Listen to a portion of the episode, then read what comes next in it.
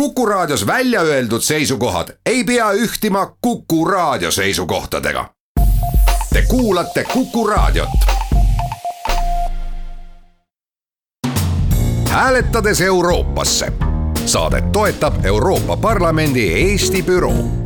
tere, eetris on saade Hääletades Euroopasse ja stuudios on täna Annika Õunap ja minuga koos kolleeg, ajakirjanik Neeme Raud, tere tulemast! tervist! Me räägime täna üle-euroopalistest poliitilistest arengutest ja nende võimalikust mõjust Euroopa Parlamendi valimistele ja meie elule üleüldiselt.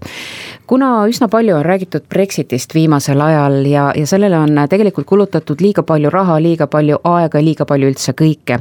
siis me täna räägime Brexitist muidugi ka, aga võib-olla pigem keskendume natukene rohkem sellele, mis toimub näiteks ka Ungaris, mis toimub Poolas ja, ja tõmbame võimalikud sellised paralleelid siin meie poliitilisel maastikul toimuvaga ja ühiskonnas üleüldse, üldiselt toimuvaga. Need, kes ei tea võib-olla, mis siis seal Ungaris, Poolas täpselt toimub, et võib-olla selline lühike sissejuhatus, et äh, päris palju on meid hoiatatud nüüd seoses sellega, et valitsusse läheb EKRE ja, ja kardetakse neid ja, ja kardetakse selliseid muutusi, et äh, ja tõmmatakse, hoiatatakse meid selle eest, et äh, ärge minge sama teed, mis Ungari ja Poola. mille eest meid siis hoiatatakse? hoiatatakse sellise paremale kaldumise nähtava parempoolsuse eest ja kui Poola võib-olla ei olegi see see postkaart või, või plakatlik näide Euroopas, siis Ungari on see, kelle eest hoiatatakse, kelle suhtumiste eest hoiatatakse ja kes ei ole teinud saladust, Viktor Orbani äh, valitsus, tema on peaminister, et äh, Ungari soovibki moodustada Euroopas sellist uut paremtiiba, et äh, ideaalis võiks Ungari juhtimisel need paremringkonnad Euroopas kaaperdada ära Euroopa Parlamendi valimised ja ka Euroopa Parlamendis, lugesin just hiljuti, tuleks luua nüüd konservatiivide ploki kõrvale, kes on äh, siiski nende paremringkondade arvates liiga mõõdukad, veelgi rängem ja räigem selline populistlik parempoolne plokk, kes hakkaks siis Euroopa elu suunama ja just neid arutelusid, mis on Euroopa jaoks erakordselt tähtsad, siin tuleb meelde muidugi rändeteema, aga ka majanduskasvu teema, kui me meenutame siin ka Eesti EKRE juhtide väiteid, et majandus ei olegi tähtis, tähtis on rahvuse säilimine, vot need kõik teemad, need mõtteavaldused, need juured viivad just Ungari juurde ja kui me teame, et Ungari valitsusele annab nõu nendes küsimustes Donald Trumpi võidule suuresti kaasa aidanud Steve Bannon, poliitiline nõustaja Ameerika Ühendriikidest, siis kui ma loen praegu EKRE avaldusi, siis mulle kuidagi tundub, et, et nad vist on saanud ka mingisugused juhtnöörid sellelt Ameerika poliitkonsultandilt, kes seda parempoolestumist ja populistlikku parempoolsuse äh, tõusu Euroopas on kulisside taga juhtimas kuna Ungaris seda protsessi ju väga tugevalt hoiab enda käes tõesti Viktor Orban, et mis mees see on selline, keda siis nii kangesti nagu justkui nagu ühelt poolt kardetakse ja teda nagu järgitakse? no tema on seadnud äh, oma peamiseks teemaks just nagu ka meie EKRE poliitikud rahvuse säilimise, rahvuse taastootmise, et ta ju teatas, et naistele, kes toovad äh, kas siis kolm ja enam last ilmale, tehakse maksusoodustusi, nende võlad kustutatakse teatud hetkel et tuleb kaitsta Ungari rahvust, tuleb kaitsta kristlikku kultuuri, Ungari kultuuri selle sisserändajate voo eest või nende masside eest, kes kuskil piiride taga siis nagu ootaksid ja keda siis Euroopa Liit ja Euroopa Parlament oma otsustega soovib liikmesriikidele peale suruda. kõik need kvoodid loomulikult ja nii edasi ja nii edasi, et kui nüüd uus parlamendi koosseis valitakse ja parempopulistidel on seal tugev hääl, siis nad saavad sellistele äh, ilmingutele lihtsalt väga otsustavalt vastu astuda, et neid mingisuguseid kvoote ei tule, mingisuguseid ettemääratud numbreid, kui palju riigid peavad võtma vastu äh, sisserändajaid, põgenikke, et seda ei tohi olla ja rõhuasetus peab olema just nimelt sellel oma rahva taastootmisel, oma rahvuse elujõus hoidmisel, et see on see Orbani üks peamisi, peamisi sõnumeid, millega ta on paljud Ungaris ju ära enda poole võitnud ja, ja millega on ka EKRE siin ju väga palju Eestis äh, omale toetajaid leidnud, kui räägitakse ikkagi sellest, et äh, küsimus on nii eksistentsiaalne, et kas meie, eestlased, jääme ellu ja kui me ei hääleta EKRE poolt, siis me võib-olla ei jää, äh, siis no jah, valijates võib tekkida tunne, et, et ma peangi nende poolt hääletama, sest nemad seisavad ju minu kui rahvuse eest, aga kahjuks on näha ka siin teisi igasuguseid poliitilisi hoobasid, mille kaudu neid populistlikke liikumisi suunatakse ja ma ikkagi ei välistaks, vaatamata sellele, et Robert Mueller, USA eriuurija, ei suutnud tuvastada, et Donald Trumpi kampaania tegi Venemaaga koostööd kahe tuhande kuueteistkümnenda aasta USA valimistel, et ikkagi need hoovad viivad ka Venemaale, kus räägitakse ju ka sellest, kui tähtis on rahvus, kui tähtis on just nimelt selline kristlus, kui, kui jõuliselt tuleb vastu astuda sellisele islamikultuuri pealetungile, no Venemaal on loomulikult omad põhjused, neil on äh, piirid suurte islamiriikidega, neil on riigi lõunaosas niivõrd palju moslemeid, äh, miks sellest rääkida, aga need teemad on jõudnud ka väga paljude populistide argipäevasesse kõnepruuki ka meil siin Eestis. kas nüüd on äh, äkki selline olukord tõesti, et äh, need erakonnad, kes siis on need nii-öelda vanad erakonnad ka siin Eestis äh, tegelenud siin tõesti nende majandusküsimuste ja muude sääraste teistsuguste küsimustega, aga jätnud need nii-öelda rahvusküsimused võib-olla selliseks noh, et mm, tahaplaanile võib-olla, võib-olla ka mitte nii väga tahaplaanile, aga sellest ei ole kõneldud nii palju, siis pluss veel see terrorismi teema, sisseränne teema, et kas nüüd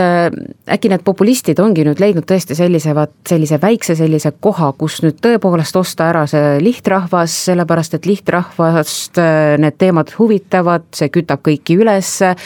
ja, ja selles see asi ongi, et tegelikult need ongi ju need teemad ka, millega justkui tulebki tegeleda ühelt poolt. Nendega tuleb tegeleda loomulikult ja ikkagi see vereproov on maailma poliitilist ajalugu vaadates niivõrd äh, hea häälte kogumisvahend, kui tuua see rahvuse küsimus, rahvuse alle, allesjäämine, rahvuse puhdus äh, poliitiliste protsesside keskseks teemaks, teised parteid ja jõud loomulikult tegelevad nende teemadega, aga nad ei ole toonud seda seesugusesse fookusesse, ei räägi seesugusest hävingust, siis kahtlemata neid jõude saadab edu, ma ei taha siin mingitest konspiratsiooniteooriatest rääkida, kui ma räägin siin Bannonist, ja Venemaa ähm,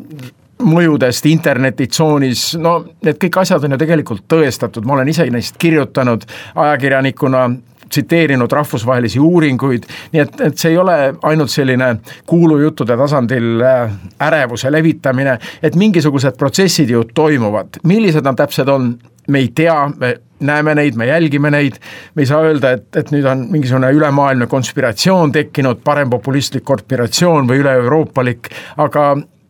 seda on ju Ungari peaminister öelnud, et äh, ideaalis oleks Euroopa Parlamendi kaaperdamine just nimelt nende jõudude poolt, et Euroopas need teemad seada esiplaanile. nüüd äh, meie Jüri Ratas, mm, kas ta kuidagi üritab Orbanit äh, jäljendada? no tema kindlasti mitte, ma arvan, et tema siiski lähtus oma koalitsiooni moodustamisel puhtpragmaatilisest huvist võimule jäämise vastu, aga ta liitlaskonnas on kindlasti inimesi, kes püüavad Orbanit jäljendada, kes ei tee saladust, et Donald Trump on nende jaoks suur kapten, kelle retoorikas on viimastel nädalatel nii palju trumpisme korraga ilmunud, et, et mul tekkiski tunne, ma kuulen, et äh, Martin Helme ütleb, et ta on parim võimalik või parim üldse mees, kes suudab Euroopa Liidus rahandusasjades korda luua, siis tuleb mulle kohe meelde see Trumpi kuulus best ever, et, et kas need manuaalid on Eestisse nendeni jõudnud või mitte, aga aga nad teevad seda Trumpi siin küll. nüüd, kas Eestis on äh, selliseid suuremaid ilminguid ka mm, sinu enda jaoks, äh, mis tekitavad suuremat muret, et me liigume sellise suletud ühiskonna ja ka autoritaarse valitsemise suunas, et äh, kus siis tõepoolest piiratakse näiteks kohtunikke, piiratakse ajakirjanikke, meiesuguseid, et kes justkui no siin oli ju, kus Martin Helme tegi kaebuse, et ta sooviks siis nii-öelda kallutatud ajakirjanik eetrist maha võtta, et noh, muidugi minul jäi mulje, et see kallutatus tähendab ikkagi seda, kes võtavad EKRE sõnal, EKRE suunal sõna ja, ja siis kas võtavad nõuks neid kritiseerida, et siis nemad on justkui nagu kallutatud ja, ja näiteks ka, kui nüüd EKRE valitsusse saab, et ma ei tea, äkki meiesugused ka võetakse mingil hetkel maha, kes siis võtavad endale voli neid natuke kritiseerida ja nende sõnavõtte analüüsida? no ma arvan, et kogu maailmas, selles lääne tsivilisatsiooni maailmas on praegu selline keeruline hetk, kus on kummalised jõud tõusnud esiplaanile ja võib-olla sellist mega häga, hädakella ei tuleks lüüa, et meie kõigi suud pannakse kinni, aga me peame olema muidugi valvsad selles suhtes, et eh, on inimesi, kes soovivad eh, neid kritiseerivaid jõude vaigistada, nad on täiesti reaalselt olemas, mina näen selles praegu ERR-i ajakirjanike suurt võitu, kui nad on suutnud ühele jõule nii kanna peale astuda, et see neid häirib. teeme saatesse väikse pausi ja kohe varsti jätkame. hääletades Euroopasse saadet toetab Euroopa Parlamendi Eesti büroo hääletades Euroopasse saade on taas eetris ja stuudios Annika Õunap ja minuga koos ajakirjanik Neeme Raud, me räägime täna üle-euroopalistest poliitilistest arengutest. kui ma hakkasin meie saadet kokku panema, siis järsku avastasin end selliselt mõttelt, et ma nagu justkui ei tahagi enam väga põhjalikult nii väga sellisel poliitilisel teemal arutleda, sest kuidagi selline jube väsimus, tülgastus ja kõik selline, mis on täiesti inimlik. ja, ja ma usun, et ka paljudes kuulajates on juba tekkinud seesama emotsioon, et enam ei jaksa. on ju olemas täiesti tavainimeste mured, tavainimeste probleemid ja elu peab edasi minema, olgu seal valitsuses EKRE, Keskerakond, Reformierakond, ükskõik kes juba lõpuks, et aga nüüd ukse ees on ju tegelikult teised valimised, Euroopa Parlamendi valimised ja, ja mis sa arvad, kas äh, inimesed on nüüd tõesti liialt väsinud kõigest sellest, et minna kuu aja pärast ja uuesti justkui kellelegi hääl anda kindlasti on väsinud ja ma ise ka olin nagu pikka aega seisukohal, et Eesti jaoks kuidagi liiga palju valimisi. aga siis ma olen nüüd natuke ringi sõitnud Euroopas, käisin just Leedus üle-eelmisel nädalal, Leedus on mai alguses äh, ees presidendivalimised, president valitakse seal otse, Euroopa Parlamendi valimistega samal päeval toimuvad mitmed olulised rahvahääletused, nii et seal on ka ühe kuu sees juba väga mitmed valimised, Soomes just valimised äsja, nii et äh, neid valimisi toimub Euroopas äh, sel aastal tõesti väga palju ja me peame need valimised lihtsalt läbi tegema, sest see on see reglement, kui me astusime Euroopa Liitu, siis me võtsime endale kohustuse osaleda Euroopa Parlamendi valimistel, need valimised toimuvad iga viie aasta tagant, toimuvad alati mai lõpus ja neid valimisi ei saa muuta, ei saa muuta ka Suurbritannia, kes nüüd lõpuks, kui nad avastasid, et see Brexiti segadus on niivõrd suur, et, et nad ei ei oskagi praegu mingeid kiireid lahendusi pakkuda, et nad peavadki selle reglemendi järgi, sest nad kuuluvad jätkuvalt Euroopa Liitu, need valimised mai lõpus ära tegema ja valima siis ähm, saadikud, kes võib-olla iialgi ei lähe Europarlamenti, sest võib-olla vahepeal toimub Brexit, nii et see on väga kummaline olukord, mis toimub Suurbritannias, ma helistasin just Londonisse enne meie salvestust ja küsisin Eesti suursaadikult Tiina Intermannilt, et mis siis nende eurovalimistega saab, ta ütles, et me ei oska midagi öelda, sest et Briti parlament, kes seal praegu on A ja O otsuste tegemisel, läks kaheks nädalaks lihavõttepuhkusele. nii et äh, see eelnev nädal meie saatele ja ka meie saatele järgnev nädal ei toimu Londonis mitte midagi. kui nad tagasi tulevad, siis nad hakkavad otsustama, mis nende Europarlamendi valimistega saab. selge on see, et Eestis valitakse ikkagi seitse saadikut, aga üks jääb esialgu ilmselt varupingile. selle ajani, kui selgub siis, mis brittidel saab, nii et äh, sellist põnevust ja segadust on, on palju, aga kui sa küsid, et kas valimisi on palju, jah, valimisi on palju, aga demokraatia ongi selline, et tuleb neil valimistel osaleda ja see on tehtud Eestis ju niivõrd mugavaks, kõigepealt on võimalik hääletada ju interneti teel, ei pea enam valimisjaoskonda minema ja kes ikka tahab minna, see võib kahekümne kuuendal mail valimisjaoskonda ka kohale minna ja seal hääletada, sest sel päeval enam interneti teel hääletada ei saa. see on selline kodanikukohus justkui, aga samas ka selline meeldiv tunne, kui sa oled selle hääle ära andnud, et tõesti, tehtud, minu panus on antud. nii et kahekümne kuues mai, selline viimane tärmin võib teha endale selliseks pidulikuks ürituseks. ma rääkisin ka Eestis olevate Europarlamendi, Euroopa Parlamendi esindajatega, kes ütlesid, et tasub siiski ka meie saates ja teeme seda ehk praegu meenutada, et need valimised toimuvad täiesti erinevalt Riigikogu valimistest, kogu Eesti on üks suur valimisringkond, kuigi parteid on esitanud oma nimekirjad, lähevad lõpuks Europarlamenti siiski need poliitikud, need seitse, esialgu hakkavad tööle siis kuus, üks jääb varupingile mõneks ajaks. Ilmselt, kes saavad kõige rohkem üle Eesti hääli, parteide nimekirjad on nagu sellised võimendid, mis inimeste ette ilmuvad, kui nad sinna valimiskastide juurde lähevad või internetis oma häält annavad, aga lõppkokkuvõttes loeb see, kes isikutest saab kui palju hääli, nemad lähevad meid Euroopas esindama et need teemad, mis Euroopas päevakorras praegu on, on väga teravad, no ränne Eesti jaoks oluline, samuti majanduskasv, kuidas tagada, et Euroopa oleks konkurentsivõimeline maailma majanduses, kus on peamänguriteks ikkagi Ameerika Ühendriigid, kõrval Hiina, samuti kliimateemad, mis on Euroopa nii-öelda signatuur küsimuseks, kõik need teemad seisavad seal Brüsselis ja Strasbourgis parlamendil ees ja meil on nüüd võimalus valida sinna oma kõige paremad esindajad, muidugi ma olen Europarlamenti kandideerivatelt poliitikutelt küsinud, et, et kui te lähete ära, siis meil Eestis viieks aastaks on jälle häid, tugevaid poliitikuid vähem. aga nad ütlevad, et no me ise astusime Euroopa Liitu, me peame vaatama Euroopat kui oma suurt kodu seda tööd on ka vaja teha ja no ikkagi on õige, kui me saadame sinna väga head inimesed. olenemata sellest, et tõesti tegemist on sellise äh, ainsate isikuvalimistega, kus äh, kodanik saab oma hääle anda, siis erakonnad siiski seisavad nende isikute taga, et äh, mis sa arvad, et kuidas need loetud kuus või siis ka seitse kohta nüüd jaotuvad? no ma arvan, et ikkagi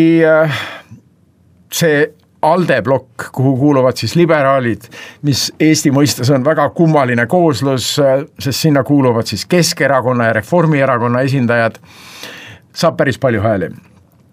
konservatiivid saavad hääli,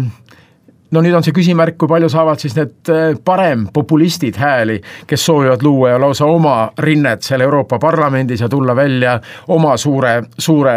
perekonnaga, sest praegu on need mõjukad perekonnad olnud just nimelt äh, konservatiivid, Eestis siis Isamaa on selles perekonnas ja teine on siis Sotsiaaldemokraatlik partei, see sotsiaaldemokraatlik äh, perekond seal, seal Euroopas, et nemad on nagu neid asju kujundanud, see ALDE, kuhu Eestist on kõige rohkem saadikuid läinud, ei olegi olnud see võtmemängur, aga kui nüüd tekib veel siis see uus, veelgi parem, populistlikum äh, grupeering, kui on, kui on konservatiivid, siis, siis need kaardid jah, kuidagi jagunevad teisiti, et ma arvan, et sotsiaaldemokraadid saavad vähemalt ühe koha, äh, no Keskerakond, Reformierakond, võib-olla kolm kohta läheks sellele plokile, äh, siis EKRE, kes meil üle jäävad seal, no igatahes need kohad täidetakse ära, küsimus on, kui palju saab see EKRE grupp hääli, kas üks või kaks kohta ja kui palju saavad siis näiteks sotsiaaldemokraadid äh, kohti juurde, nii et sellist huvitavat, huvitavat poliitilist mängu jagub siin kuni kahekümne kuuenda mai õhtuni, kui, kui valimistulemused selguvad. aga veel kord, neil valimistel tasub osaleda, teeme need valimised ära, et see protsess ei jääks pärast jälle kuudeks ja kuudeks ajakirjandusse, et oleks võinud ju kõik teisiti minna. teeme nad korra ära ja siis paneme punkti. suured tänud, Neeme, et äh, stuudiost läbi tulid, äh, ääretult rõõm oli suhelda ja mis siis ikka, kuu aja pärast Euroopa Parlamendi valimised, osalege ja meie oleme taas eetris nädala pärast, kuulmiseni hääletades Euroopasse. saadet toetab Euroopa Parlamendi Eesti büroo